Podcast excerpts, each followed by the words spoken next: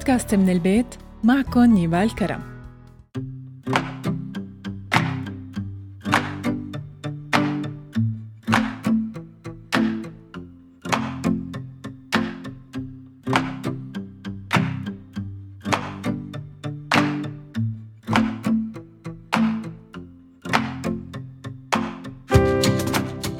مرحبا. بمر الحب بمراحل مختلفة. الإعجاب الحب. العشق الوله وفي مرحلة من المراحل وخاصة تحت الضغوط والتعقيدات ولما يوصلوا الشريكين لمرحلة من الشعور باللامبالاة وعدم التحمل وعدم القدرة على النقاش. وبتقلب هاي العلاقة لنقاشات جارحة ومستفزة وما عاد بيقدروا يسعدوا بعض مهما حاولوا ومهما عملوا. يمكن تستمر هاي الفترة والطول لحد ما توقع الشعرة الفاصلة بين التحمل وعدم التحمل. وقتها بيكون حدث تغيير بحياة واحد منهم وقتها ما بقى يقدروا يتحملوا بعض. ورح يصير وقتها انفصال بالمشاعر بالجسد بالأفكار قبل ما يعترفوا لبعض بالانفصال الحقيقي.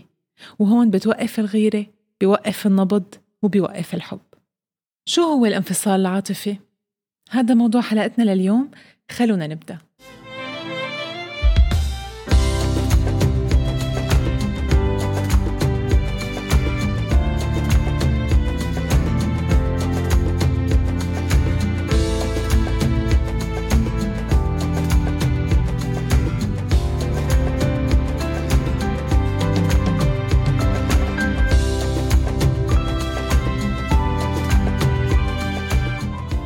الانفصال العاطفي هو التخدر أو البرود العاطفي وهو انقطاع بينشأ عن صدمة نفسية وبيحدث الانفصال بالمشاعر بين الزوجين أو الخطيبين أو الحبيبين وخطورته بتجي من حدوثه بدون أن ينتبه الشريكين لهذا الشيء وهو نوع من أنواع الطلاق المعنوي غير المباشر. وبيقول جورج هارتويل الخبير الكندي المختص بتقديم النصائح الزوجية الانفصال العاطفي من أخطر المسببات للطلاق الفعلي وبيأثر بشكل كبير على الصحة النفسية للكبار وللأطفال إن وجدوا. والمشكلة الكبيرة يلي بتنتج عنه هي عدم الثقة وصعوبة الرجوع للمشاعر القديمة زائد السطحية بالتعامل واللي بتسبب الأذى لكل الأشخاص الموجودين بهي العائلة. لما بيصير الانفصال بيمر الشخص بعدة مراحل لحتى يقدر يطلع بسلام من هاي المرحلة. شو هن؟ واحد مرحلة الإنكار. هون الشريكين بينفصلوا لكن بدون ما يعترفوا بهذا الشيء بضل بينهم وبين حالهم. اثنين مرحلة الغضب. لما بيصير الانفصال الحقيقي وبيصير في مشاكل وصريخ وعياط وتوتر وفقدان التوازن وبينتج عنه مشاكل كتير كبيرة. ثلاثة. مرحلة المساومة. هون محاولة أحد الطرفين إيجاد الحلول اليائسة لكن بتكون منا قادرة تصلح الشيء اللي انكسر. أربعة مرحلة الحزن. البكاء الغصة ذكريات كل المراحل يلي مرقوا فيها الحلوة والمرة. وآخر شي مرحلة القبول. هون بيبدأ الشريكين يتقبلوا الانفصال وبيرجعوا لحياتهم شوي شوي من جديد. لكن بعد التأني الكبير لحتى يقدروا يفوتوا بعلاقة جديدة.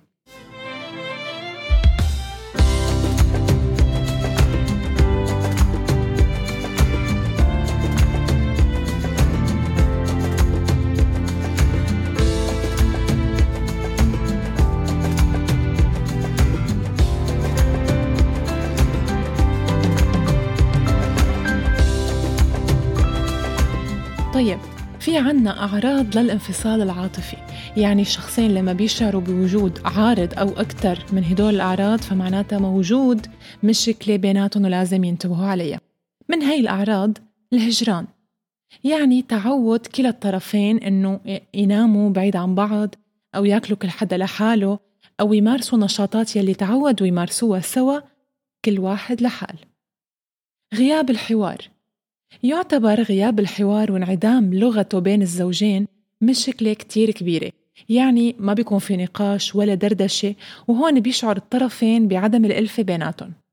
غياب الحضن والمشاعر الحميمية والمشاعر الكتير طيبة بين الطرفين.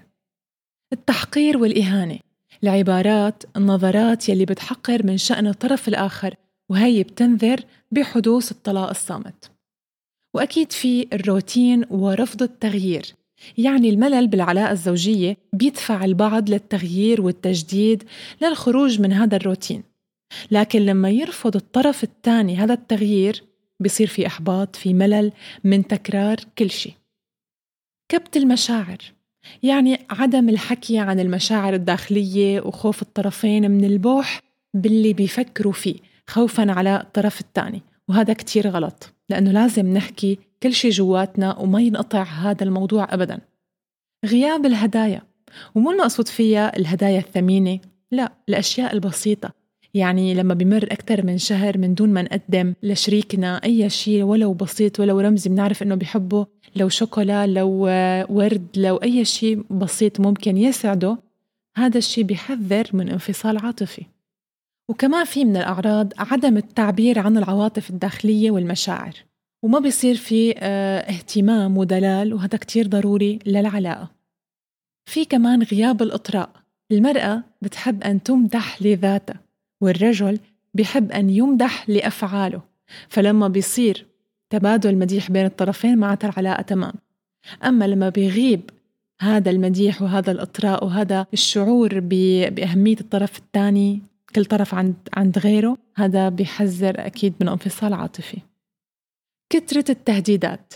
يعني على طول في كلمة إذا ما عملت هيك فأنا رح أطلع أو أنا رح أترك أو أنا ما رح كفي معك. هي الكلمات بتحول الحياة لجحيم. ما حدا بده يعيش حياته بقلق. ومن أهم الأعراض أيضا النفور من الطرف الثاني يعني عدم تقبل الشريك والإشمئزاز. يعني عدم تحمل الطرفين لعادات بعضهم وعادات ممكن تكون كتير يعني ممارسة بالحياة الطبيعية لكن نحن ما بقى بنقدر نتحملها. هذا كله بدل بأنه في انفصال عاطفي ونحن لازم نتوخى الحذر.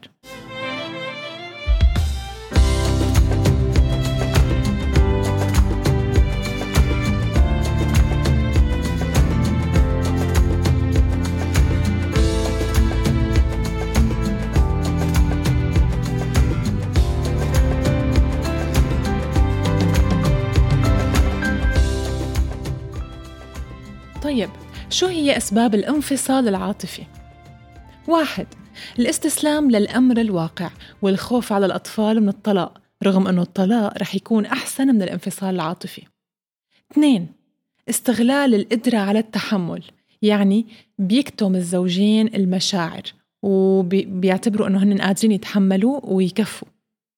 ثلاثة الحديث بالسلبيات كتير. الأفضل إنه يكتب الشخصين إيجابيات كل حدا ويشكروا عليها هذا بخلي السلبيات فعلا تنزاح وتنشال على جنب أربعة التعبير على اللي منشعر فيه من جوا بالفعل وليس بالقول فقط. خمسة عدم التشارك بأي شيء بأي نشاط بأي حديث بأي حوار. ستة الأنانية. الشخص الأناني بيستغل شريكه وهذا الاستغلال لما يزيد عن الحد الشريك بيشعر إنه هو مو قادر يتحمل. سبعة عدم احترام الآخر. الحب مرهون على طول بوجود الاحترام بأي علاقة؟ عدم احترامه عدم احترام رغباته طلباته غيرته السخرية منه قدام الناس هذا كله بيخلي الشريك ما قادر يتحمل. ثمانية الغرور والكبرياء. الإنسان المغرور ما بيعتذر ولا بيرضي شريك حياته وما بيتنازل وهذا الشيء بيقتل الحب. الحب بده تواضع. تسعة عدم التناغم الفكري. يعني ما في تعامل بالحياة بالتفكير ما ما بيتفقوا بأكثر من نقاش ما بيتفقوا بحوارات كتير. كل حدا عنده تفكير معين تجاه حدث أو موضوع هذا بيؤدي لمشاكل كتير وخلافات أكثر عشرة الاختلاف بالدرجات العلمية. طبعا هذا أنا حكيت عنه بحلقة كاملة عن الزواج المتكافئ. يلي فعلا بدل بأنه لما بيكون في عدم توافق بالتحصيل العلمي أو الدراسي بصير في شخص بحس حاله إنه عم يركض ورا الشخص الثاني وما عم بيلحقه. وهذا بخليه آه، ينظر له نظرة يمكن صعبة فبحس إنه هو أكبر منه أو أعلى منه فبتخلق الخلافات والمشاكل وما بيقدروا يحلوها ما بيقدروا أبدا يسكروا هذا الفراغ. وأخيرا تدخل الآخرين بشؤون الزوجين. يعني لما بيتدخل الأهل بالزواج وبيعرفوا أسرار الزوجين هذا بيؤدي لحياة لا تطاق وكمان بصير الشريكين ما قادرين يتحملوا أبداً.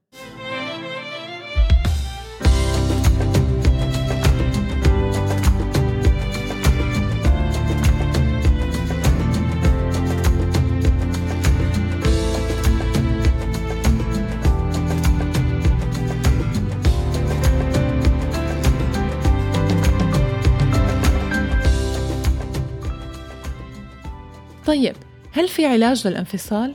أكيد في. واحد النقاش بالمشكلة. يعني لازم الشخصين ما ينكروا وجود مشاكل بيناتهم. لازم يصير النقاش شخصي بيناتهم فقط بدون حضور أي شخص ثالث. لأنه هذا الشخص رح يمنع يصير هي العفوية ورح يصير في خجل بالحديث. لكن لما الشخصين يعرفوا أنه في عندهم مشكلة يقعدوا يحلوها فعلا. اثنين تقديم التنازلات. الحياة بدها تنازل. الشخصين لازم يتنازلوا. وأنا ماني عم بقول إنه التنازل الكبير والصعب. لا الحياة أصلا سهلة وبسيطة ولازم ما نعقدها كتير. في شغلات فينا نستغني عنها وقادرين نضحي فيها وهي فعلا ما بتفرق كتير بحياتنا. فليش منعند عليها وليش منخليها هي فعلا تخرب علاقة كاملة؟ ثلاثة ثقافة الاعتذار. الاعتذار بيزيل كتير من الألم النفسي والمشاكل العاطفية بين الشريكين. يعني لما حدا يغلط لا يتردد أبدا بأنه يعتذر لشريكه ودغري. يعني ما يترك فراغ ولا يترك وقت لحتى يعتذر. الاعتذار كتير بيساعد.